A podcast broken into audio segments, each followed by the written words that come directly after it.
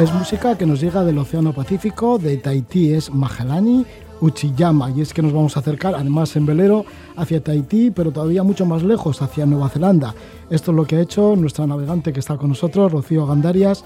Rocío Gandarias, que estudió en Southampton, en Inglaterra, arquitectura naval, junto con su compañero, con su novio Gaspar Bonelenbeque, se compraron un barco, el barco Cirrus, y con él pues decidieron partir de Inglaterra en mayo de 2017 a, no sé, por lo menos a navegar alrededor del mundo. De momento han llegado hasta las antípodas, hasta Nueva Zelanda. Pues sí, ellos primero hicieron la ruta de Inglaterra hacia Guecho, en el puerto deportivo de Guecho estuvieron tres meses reparando el barco, soltaron amarras de nuevo y luego pues llegaron hasta eh, la isla del Hierro, desde la isla del Hierro cruzaron el Océano Atlántico, estuvieron navegando por el Caribe, pasaron el canal de Panamá y poquito a poco por todo el Océano Pacífico han llegado hasta Nueva Zelanda. Tenemos la suerte de que Rocío está ahora con nosotros, ha regresado en avión para aquí para visitar la familia y nos va a hablar un poquito de cómo ha sido esta larguísima travesía cruzando el Océano Atlántico y el Océano Pacífico. Rocío Gandarias, bienvenida a Gabón. Hola. Bueno, pues ya tenía ganas de verte, ¿no? Porque en otra ocasión sí que nos hablaste de una primera travesía que hicisteis por el Atlántico y luego ya cuando os comprasteis el barco, el Cirrus y demás, pues sí que antes de partir para, para esta última travesía que os ha llevado hasta Nueva Zelanda, estuviste también por aquí comentándonos un poquito el proyecto, porque es un proyecto bastante majo, ¿no? Y bastante atrevido. Pero habéis llegado hasta Nueva Zelanda. Sí, bueno, el proyecto este llevábamos planeándolo como cinco años o así. O sea, lo teníamos ya en la cabeza y bueno, ahora lo hemos hecho. ¿Esto de qué viene? ¿Por qué esa afición a la mar y a construir un, bueno, a reparar un barco, a compraros un barco y a lanzaros a cruzar los océanos? Bueno, eh, la afición por la mar me viene desde pequeña eh, porque navegaba con mi padre. El proyecto de comprarnos un barco viene de que después de acabar la universidad eh, hicimos un viaje con Gaspar y fuimos haciendo barco stop, hicimos un, un, viaje por el Atlántico y cuando llegamos dijimos, o sea, pensamos que nos gustaba mucho, pero que sería mejor un día hacerlo con nuestro barco. Y entonces pues nos pusimos a trabajar en Inglaterra, estuvimos ahorrando hasta que nos compramos el barco y luego ya pues cuando teníamos suficiente nos fuimos. Por los estudios que habéis realizado sí que conoceríais bien el, el estudio de arquitectura naval, el barco que ibais a comprar y lo que queríais. Sí, bueno, teníamos más que nada un presupuesto, pero luego también una idea de lo que queríamos. Eh, bueno, el barco es bastante pequeño, es un 31 pies, pero para dos personas es suficiente y es seguro y fuerte. Estamos también con Gonzalo Gandarias, que es tu padre, el que de alguna manera igual también te ha inculcado, ¿no? Por lo que cuentas, sí. lo que es la navegación y lo que es la mar. Gonzalo Gandarias, bienvenido, Gabón, buenas noches. Hola, buenas noches. Que eres surfista legendario, sí, vizcaíno, sí. y que trabajas en mantenimiento de barcos, que incluso asesoraste en la vuelta al mundo a, Jesús, a José Luis Ugarte, al propio Neiva Surco, en la Vendel Globe, en sí, la sí. travesía en competición en solitario alrededor del mundo. Y ahora estés asesorando también pues, a tu hija Rocío y a, y a Gaspar. La verdad es que mi hija ha tenido afición a la mar desde pequeñita, no solo inculcada por mí, sino también por mi padre, por su abuelo. Y, y o sea, pues, que viene de antepasados ya la cosa. Sí, sí. Y sí, la verdad es que, mira, yo pues eh, preparé el barco de José Luis Ugarte, también trabajé con UNAI y bueno, es mi trabajo. Y cómo no le voy a ayudar a, a mi hija a preparar su barco para su travesía. Sí, y en esta travesía partiste de su tanto, ¿no? La, la, primera etapa hasta llegar a Guecho. Sí, cuando, cuando decidieron ya dejar su trabajo en Inglaterra, pues yo vine con ellos navegando desde, desde allí hasta Guecho para probar el barco y porque me apetecía también, porque era una navegada bonita por el Golfo de Vizcaya Luego estuvimos tres meses aquí preparando el barco y luego se fueron. Se fueron, pero bueno, te has unido en algunas de las navegaciones, por ejemplo, desde, desde Lisboa hasta La Graciosa. Sí, esa fue una navegación muy bonita, eh, ya con el barco bien preparado y fue una salida preciosa por, por todo el río Tajo de Lisboa y la llegada a Canarias también fue, toda la travesía fue muy buena y, y ahí comprobamos que el barco estaba bien preparado y disfrutamos mucho. Llegó ya la salida de cruzar el Océano Atlántico, una vez que llegasteis a Canarias, y lo hicisteis desde la isla del Hierro, ahí, ¿no? En Canarias. Sí, eh, bueno, eh, con mi padre llegamos a La Graciosa, pero luego navegamos un poquito por ahí La Graciosa, Las Palmas, La Gomera, La Palma y por último el Hierro. Y ya en el Hierro eh, vinieron dos amigos de Inglaterra y cruzamos en cuatro el Atlántico hasta Guadalupe. La salida fue el 21 de diciembre de 2017. ¿Y cómo fue esa travesía del Océano Atlántico? Pues bastante buena y con bastante viento. Eh, la verdad es que fuimos muy rápido. Tardamos 19 días en hacer 2.600 millas y muy bien. El barco navega muy bien con esas condiciones, mm, vientos alisios todo el rato, ningún problema. Rocío, ¿y ahora os encontráis muy a gusto y muy seguros después de haber cruzado el Atlántico y también el Pacífico en vuestro barco? Sí, ya conocemos el barco súper bien. No, es un barco bastante sencillo, no tiene muchas cosas. eh, todas las velas van con garruchos, son, se puede navegar muy bien a- en dos personas. Y la verdad es que ya sabemos cuándo hay que bajar vela, cuándo no. Dentro de lo que cabe tenemos todo bastante bajo control, después de tanto tiempo. ¿Os habéis encontrado con alguna mm, reparación, reparación así dificultosa en medio de la mar? No, ¿Alguna rotura? Eh, no, la verdad es que no hemos roto nada. el barco ha ido muy bien, estaba bien preparado, no hay muchas cosas que romper tampoco. O sea, el- las cosas eh, más importantes, que son el palo, eh, la orza y el timón. Bueno, al ser un barco de aluminio es bastante fuerte y la orza está soldada al barco, o sea, no, es, no puede pasar nada. Bueno, eh, el palo también es más grande, tiene la sección más grande de lo que debería ser para ese barco, así que es un barco fuerte y sencillo, no se ha roto nada. Bueno, cuando te encuentras en mitad del Atlántico, es, dices, eh, para esto he comprado el barco y para esto me he metido en ello. O sea, ya disfrutando de lo que es estar metida rodeada de mar. Sí, Sí. eso es. Cuando estás en medio del mar y no te importa nada más que si el barco va bien y, el tiempo, no sé, eh, pues es una sensación muy bonita. y bueno, esa es un- una parte. Y luego la otra parte, para la que me he comprado el barco también, es porque viajar en barco pues te hace ver los sitios a los que llegas de una manera distinta. Llegar por mar, sobre todo en un sitio donde hay muchas islas, puedes cambiar de sitio. O sea, cuando tú quieras, vas con tu casa, no necesitas buscar un hotel ni nada, o sea, tú viajas con tu casa al final y pues tienes mu- mucha accesibilidad a muchos sitios. Y es Cada muy isla es un mundo también, ¿no? Porque habéis Sí. descubierto un montón de islas. Sí, hemos estado en islas todo el rato, desde Canarias hasta Nueva Zelanda, que también es una isla. La primera fue desde el Hierro llegar hasta la isla de María Galante. Sí, al lado de Guadalupe. al lado de. Guadalupe, ¿no? Que esto pertenece a Francia. Sí, es eh, las Antillas francesas. Y estuvisteis navegando por ahí, por el archipiélago de Les Sans, Guadalupe. Sí. Inclusive creo que llegasteis después de un gran huracán. Eh, sí, bueno, había habido un huracán ese verano que afectó a muchas islas del Caribe. Eh, a Guadalupe no le afectó directamente, o sea, no hubo mucha catástrofe, pero bueno, sí que eh, las plantaciones y así, pues se rompieron todas, había bastantes barcos varados. Pues, por ejemplo, en Les Santa había una playa que estaba llena de desperdicios y los del pueblo se reunían todos los domingos a limpiar. Y fuimos a ayudarles a limpiar la playa y bueno, ya éramos los reyes del pueblo. Ya nos trataron súper bien, nos acogían en todas partes. Luego os fuisteis hasta los Rockets, esto que está en Venezuela. Sí, fuimos al archipiélago de los Roques, que es increíblemente bonito, es uno de los sitios más bonitos. Y como, bueno, ahora en Venezuela pues hay una situación un poco inestable, van pocos barcos, pero en los Roques está tranquilo y la verdad es que no había casi ningún barco y estábamos ahí ¡pua! en un sitio súper, súper bonito. ¿Cómo os debe yo los Rockets? Porque todo el mundo que navega hasta allí dice que es una de las maravillas que ha encontrado en el mundo. Sí, pues es que es increíble, o sea, son eh, pues playas de arena blanca, eh, para bucear es súper bonito, los peces son los mismos que hay en las islas, en las Antillas, pero mucho más grandes, porque como no hay nadie pescando, pues es todo para ti. Eh, luego hay algunas casitas, hay una isla donde hay un pueblo y también está todo muy bien cuidado, con flores, así, súper bonito. Gaspar y tú, Rocío, ¿pescáis mucho según vais navegando? Sí, bueno, Gaspar hace pesca submarina y luego pescamos siempre desde el barco cuando vamos navegando y luego también pescamos, eh, no sé cómo se llama, pero pescando al fondo con un gusano de plástico. ¿Os alimentáis mucho entonces de sí, la pesca? casi todo lo que comemos es pescado. Ah, sí, sí, o sea que sois casi autónomos. Sí, bueno, a ver, tenemos que comprar cosas también, pero como, no sé, lo básico, ¿no? Arroz y eso y café.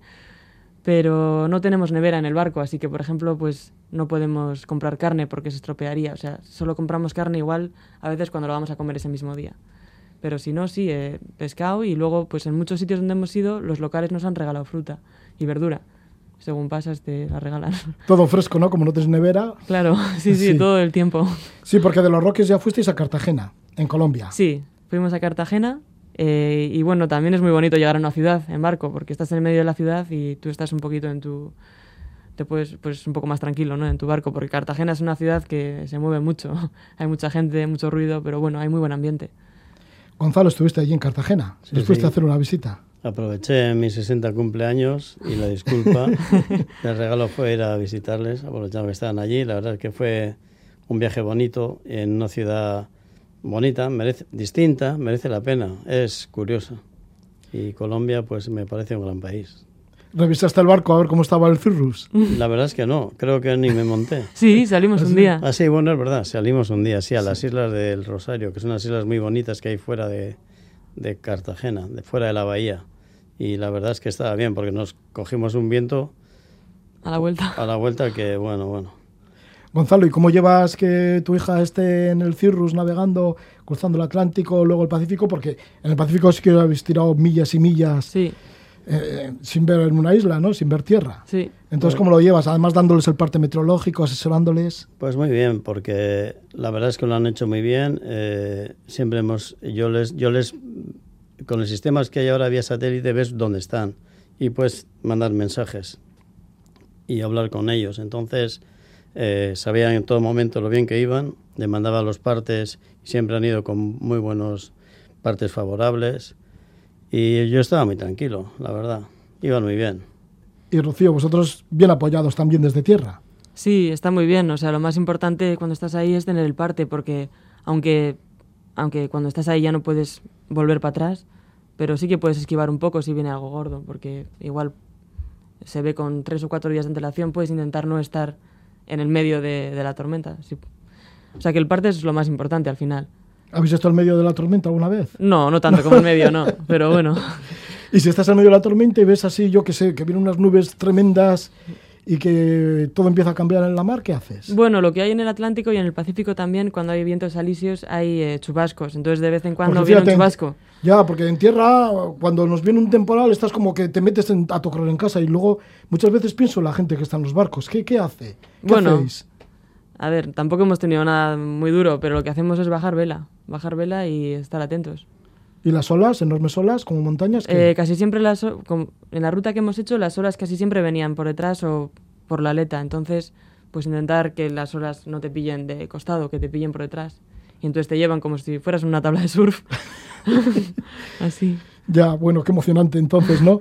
Pero bueno, el caso es que ya estuvisteis en Cartagena de Indias y luego por las Islas del Rosario, San Bernardo, Cunayala, Sí. en Panamá. Sí, en Cunayala estuvimos eh, casi un mes y la verdad es que es un sitio muy interesante porque eh, pertenece a Panamá, pero tienen bastante autonomía. O sea, es no sé cómo exactamente qué estatus tienen, pero bueno. El tema es que viven ahí los indios Cuna, que tienen su propio idioma, tienen eh, sus propias leyes, eh, viven de una manera distinta. No tienen casi nada, no tienen electricidad. Igual en, algún, en alguna islita hay un panel solar y una luz, pero o sea, viven con muy poco. Las casas son de las paredes de cañas de bambú y los tejados de, de hojas de palmera. O sea, es, es muy bonito. Y allí estuvimos casi un mes. Además, hay, el agua es transparente en la mayoría de los sitios, es muy bonito para bucear, hay muchas langostas. ¿Cómo fue el paso del canal de Panamá, del Atlántico y al Pacífico? Eh, bueno, fue interesante, un poco estresante para mí porque, bueno, siempre tienes miedo de que falle algo eh, dentro del canal, pero fue bien, eh, tuvimos suerte y fue bien y fue bastante emocionante llegar al Pacífico. ¿Cómo fue ese momento? Cuando sales del Caribe, subes unas esclusas hasta que llegas al lago Gatún y luego vas a motor por el lago y luego bajas las esclusas y ahí se abre la última puerta que ya da al Pacífico y entra el agua del Pacífico en la esclusa. Y ese momento es como, ¡buah! Estamos llegando al Pacífico y además es que el barco se mueve un montón porque con todo el agua que entra hay un mogollón de corriente. Y entonces estás ahí un poco como, pues no sé.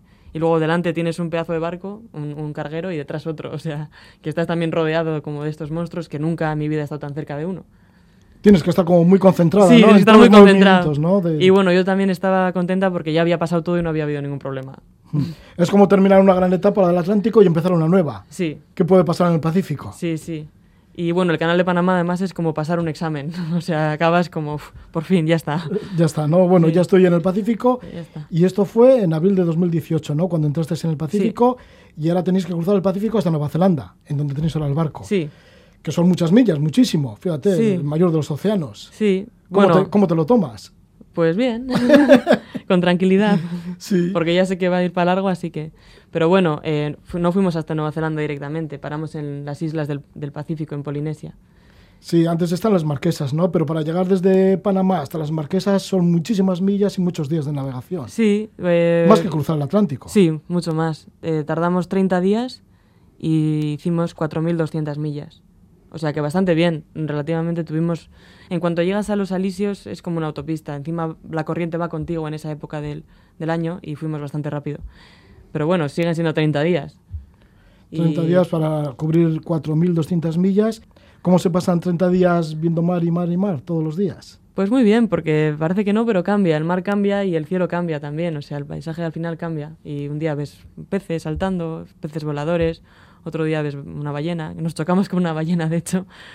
Eh, y bueno, no pasó nada, pero fue un poco impresionante ese momento. Sí, ¿cómo fue? ¿Cómo fue Pues-? Porque ¿será un golpe o qué? Sí, un golpe. Eh, yo creo que la ballena estaba en- durmiendo. En mitad del, del océano dices, ¿de dónde viene este golpe? o Sí. qué? Eh, Igual yo- puede ser un contenedor también. Ya, hubiera sido peor, creo. Bueno, Claro. no sé. El tema es que yo iba llevando el timón y íbamos con el espi un día súper bueno, ahí navegando una gozada, y de repente, ¡boom! Y sale Gaspar por la escalera. ¡Guau! ¿Qué ha pasado? ¿Qué ha pasado? Y nada, miramos para atrás y había una ballena que se estaba yendo. Y bueno, pero no pasó nada. Miramos un poquito el casco y así. Al final, el barco es de aluminio también, eso es, es fuerte. Y nada, no pasó nada. ¿Y los delfines? Mogollón de ¿Hacen delfines. compañía los delfines? Sí, muchísimos delfines de todos los tipos. También de noche ves delfines con el plancton fluorescente. Parecen torpedos eh, fluorescentes. Es muy bonito. ¿La ballena por qué se ha golpeado? ¿Porque igual estaba dormida o así? Yo creo que igual estaba dormida ahí en, en la superficie y no sé. ¿Habéis Porque visto? yo creo que ya no, no sé, o sea, luego miramos para atrás y estaba como despistada. Ah, igual la despertasteis de repente. Igual sí, no sé quién se dio más susto, igual ella. sí, seguramente, ¿no? ¿Y habéis visto muchas ballenas por el Pacífico? Sí, bastantes. Eh, bueno, también en el Cantábrico, eh, cerca de Galicia también vimos ballenas. Pero eh, sí, en el Pacífico vimos ahí en esa travesía y luego llegando a Tonga y llegando a Nueva Zelanda también. ¿Cómo fue la llegada a las Islas Marquesas? Bueno, después de, de 30 días estando en la mar, tiene que, Sí, pues- llamar la atención, ¿no? Oler a tierra y demás. Sí, además es un sitio espectacular para llegar porque es como un volcán que sale del mar, todo verde, es todo lo que no has visto en, en 30 días, pues está ahí, ¿no? Y todo mogollón de vegetación y luego está súper limpio, la gente es súper simpática y vamos andando por la calle y nos ofrecían fruta. Es, es increíble, es, la verdad llegar allí fue bastante mágico. ¿Siempre fue con buen tiempo esos 30 días que estuvisteis Sí. navegando? Al principio, eh, cuando cruzas hasta llegar a los Alisios, ah, tuvimos poco viento y muchas tormentas eléctricas. Que, bueno, mogollón de rayos todo el rato y es bastante impresionante, pero más o menos teníamos un poquito de viento y como el barco es pequeño, pues al final con poco no le hace falta mucho viento para andar. Entonces, pues avanzábamos. Arribasteis ahí en las, en las Islas Marquesas, en Nukujiba. ¿Cómo es Nukujiba? Bueno, hay que decir que las Marquesas pertenecen a la Polinesia francesa. Sí, ¿Y Nukujiba? Pues es impresionante, es, es muy bonito. eh, la gente vive todavía como vivían hace muchísimo tiempo. Bueno, ya no son caníbales, que está bien también, porque eran caníbales. ¿Os lo El, paisaje es muy bonito, sí, nos lo contaban y siempre había algún chiste de sí, eh, porque siempre nos invitaban a comer. En plan, venía a comer a, a nuestra casa, pues hoy a la nuestra, tal. Y nos vacilaban, decían que nos querían cebar para luego comernos ellos. no sabías muy bien si creértelo, pero no, lo decían de broma. Sí. Y bueno, que viven un poco al día con todo lo que les da la isla. Sí, viven de, de lo que, o sea, sobreviven con lo que tienen, porque la verdad es que, bueno, cada tres semanas así llega un barco con, con comida y con cosas, pero pescan, cazan, mm, plantan, tienen mogollón de plantaciones de plátanos, de, de frutas, de verduras, porque es una tierra muy generosa también, llueve, hace calor todo el año. Y bueno, y eso, cazan cabras y, y cerdos y jabalís y pescan, y con eso viven. ¿Cómo son geográficamente las Islas Marquesas? ¿no? Por lo menos en donde estuviste en Nukujiba, luego estuviste en Huapou. Sí, Eh, pues eh, son muy abruptas, son como eso, volcanes y luego salen los picos de, o sea, salen hacia arriba varios picos eh, de montaña y es impresionante el paisaje. De las Marquesas fuisteis a las Tuamotu. Sí, que es otro archipiélago de Polinesia y está como a 500 millas de Marquesas. Es totalmente distinto eh, el tipo de isla. Son atolones. que son como los volcanes que surgen de- del mar. Eh, sí, son como volcanes que se han quedado sumergidos, entonces lo único que queda es eh, la parte de arriba del cráter. Y entonces eso forma como un círculo y hay un pase con, donde el agua es un poquito más profunda. O sea, es un círculo de arrecife. Y hay un pase por donde entran los barcos y dentro hay una laguna, dentro del círculo. Y ahí es donde se fondea. Y pues es impresionante también porque es, pues eso, playas de arena blanca, cocoteros, el agua turquesa de un color increíble. Y luego por la parte de fuera el agua es súper profunda, es el océano. Entonces es bastante impresionante. Hay muchísimos tiburones, mucho pescado. ¿Buceabas con los tiburones? Sí, me acostumbré a más o menos a nadar con los tiburones. Hay un tipo de tiburones que no son agresivos, los punta negra, y esos son los que hay por todas partes. Y luego hay algunos que sí son, sí son agresivos, eh, como el tiburón gris, pero no he visto ninguno. Hay que tener Menos ya menos mal, ¿no? Pero también a, lo- a la hora de alimentaros con lo que pescáis, hay que tener cuidado con la secuatera, ¿no? Que es como, como un veneno que tienen los peces. Sí, es un veneno que cogen de los corales. Eh, entonces, depende de dónde vayas, hay algunos peces que puedes comer y otros no. Y siempre que vas a algún sitio tienes que preguntar a los locales a ver cuál, qué especies, porque cambia un montón. De una isla a otra, pero también de una parte de la isla a la otra parte. Una vez que, soliste- que salisteis de allí, de los atolones de Tuamotu, ¿para dónde fuisteis? ¿Ya para Tahití? Sí, fuimos a Tahití. Bueno, nos quedamos en la isla vecina a Tahití que se llama Morea. Y porque teníamos que hacer en Tahití, tuvimos que hacer bastante papeleo para conseguir un visado para luego trabajar en Nueva Zelanda. Y nada, ahí estuvimos un mes, pues al final haciendo recados más que nada, pero bueno. ¿Ya teníais el contacto de que podíais tener un trabajo en Nueva Zelanda? Eh, sí, bueno, Gaspar tenía el contacto de su empresa donde trabajaba en Inglaterra antes, eh, tiene una oficina en Nueva Zelanda y le- ahí habló con ellos y le propusieron trabajar una vez que llegáramos. Así que muy bien. Uy, tanto que muy bien, ¿no? Pues encontrar trabajo en Nueva Zelanda. Sí, Y ahora cuando regreses, pues Gaspar estará trabajando, igual luego tú te reincorporas o estás Sí. encontrando algún trabajo. Y así. Gracias a que él tenga contrato, pues le dan un visado y a mí también, porque por ser su pareja y poder demostrar que vivimos juntos y tal, pues eh, también me dan un visado. Entonces, pues eso es una suerte, porque si no es un poco difícil que te den el visado, creo. Sí, porque bueno, entre otras cosas está demostrado porque lleváis dos años en el barco. Ya, claro, sí, sí. O sea, si no Sí. somos pareja estable después de eso, ya no Sí. sé. O sea que bueno, en Tahití hiciste los papeleos para que Gaspar ya cuando llegue a Nueva Zelanda tenga su trabajo, pueda entrar tranquilamente en el trabajo. Y luego entre otros sitios pasasteis por Tonga. Sí. Eh, fuimos a Tonga eh, desde, bueno, después de Tahití fuimos a Joaquine y de allí a Tonga y son como 1.400 Joaquín, que está en la isla de la sociedad. Sí, eso es. Y Joaquín es precioso también, sobre todo para los que les gusta el surf. Eh, pero bueno, sí, de Joaquín. Surf un poco con un poco cuidado, heavy. ¿no? Sí, heavy, ¿no? Porque hay mucho arrecife. Sí, es surf de arrecife, entonces pues tienes que ser bastante bueno. Yo que no hago muy buen surf, me da un poco de miedo meterme ahí. Mm. Pero bueno, da- dan ganas de aprender porque solo el color del agua ya te invita a meterte. Y la forma de las olas, supongo también. sí, es muy bonito. Hay mucha gente fondeada justo al lado de la ola y les ves haciendo surf y, y dan ganas. Y entonces después de la isla de la sociedad, de Guajine, llegaste a Tonga. Llegaste a Tonga. Sí, eso fueron como 12 días de navegación y los últimos dos días con bastante viento. Entonces ahí fuimos solo con el tormentín y, y sin mayor ni nada. Y bueno, y aún así íbamos bastante rápido, como a siete nudos. Y al final queríamos ralentizar un poco porque queríamos llegar de día. Entonces lo que hicimos fue echar cabos al agua para ralentizar. Y tampoco funcionó tan bien, pero bueno, igual medio nudo as- así. Y nada, llegamos a Tonga y en cuanto pasamos la punta de Tonga ya se quitó el viento porque la isla lo cortaba de en seco, o sea, ya no, no quedaba viento. O sea que ya estabais relajados, ¿no? Sí, fue como, uff, ya está. ya hemos llegado, fue como, uh, pum. Sí, y entonces estuvisteis tres semanas, que visitasteis la Basque Tavern, eh, la Basque Tavern, Sí, la taberna vasca, que ahí está Papu Íñigo Echevarría, sí, él lleva viviendo allí, creo que llegó en barco hace muchísimos años cuando tenía nueve años, con su padre y su tío. y se instaló allí, se ha casado con una de allí y ahí tiene un, ahí nos tomamos unos pinchos.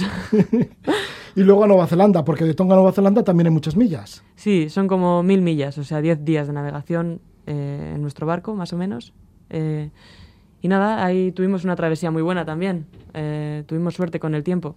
No tuvimos ninguna borrasca y casi siempre poquito viento y muy bien. Y llegasteis a Opua, que está en la Bahía de las Islas, en Nueva Zelanda. Eso es, sí, Esto fue el 14 de noviembre de 2018. sí. Y fue como llegar a un sitio que por fin lo hemos conseguido. Un poco sí y otro poco, un poco triste, o sea, ot- otra, otro lado un poco triste porque se acababa el viaje. Pero bueno, hemos navegado por Nueva Zelanda, desde que hemos llegado no hemos parado de... Ahí hay muchísimas islas también, de hecho se llama la Bahía de las Islas, pero luego también hay ot- otras islas a las que hemos ido. Pues esta es la historia, de momento, la navegación hasta las antípodas, que nos, lo cuenta Rocío Gandarias, que ha ido navegando junto con Gaspar Van Olenbeke, que ellos han estudiado arquitectura naval en Southampton, decidieron comprarse el velero, el velero Cirrus, un barco que luego lo prepararon muy adecuadamente para navegar, para cruzar primero el Atlántico y luego el Océano Pacífico. Ahora ya mm, Gaspar está trabajando en Nueva Zelanda y bueno, te espero una nueva vida en Nueva Zelanda, Rocío. Sí, esa es la idea. Tenemos un visado para tres años, pero no sé cuánto nos quedaremos. Ya veremos, a ver si nos gusta. De momento sí. Y bueno, Gaspar también está dibujando un cómic. Eh, durante el viaje ha ido dibujando los sitios donde íbamos, en sucio más o menos, y ahora está preparando el lib- un libro que quiere publicar a finales de este año. Sí, que además se va a publicar, si todo va bien, en castellano, en euskera, en francés y en inglés. Esa es la idea. Sí, pero sí, bueno, sí. todavía tenemos mucho trabajo por hacer. Bueno, esto será para finales de 2019. A ver si recibimos más noticias de cómo os va por Nueva Zelanda. Que tengáis muchísima suerte. Vale, muchas nos gracias. hemos, nos hemos acordado mucho de vosotros cuando ibais navegando. Que Gonzalo también me iba dando noticias de cómo ibais cruzando el Océano Atlántico. Digo, al Atlántico. Y bueno, y luego el Pacífico cuando estábamos en Tahití. Intentamos incluso a ver si podíamos hacer alguna conexión en Tahití. Pero bueno, hemos tenido la suerte de que una vez que habéis llegado a Nueva Zelanda nos visites y, y estamos contigo. Así que gracias por venir, Rocío. Vale, muchas gracias. Rocío Gandarias, gracias y Gonzalo Gandarias también. Bueno, muchas gracias.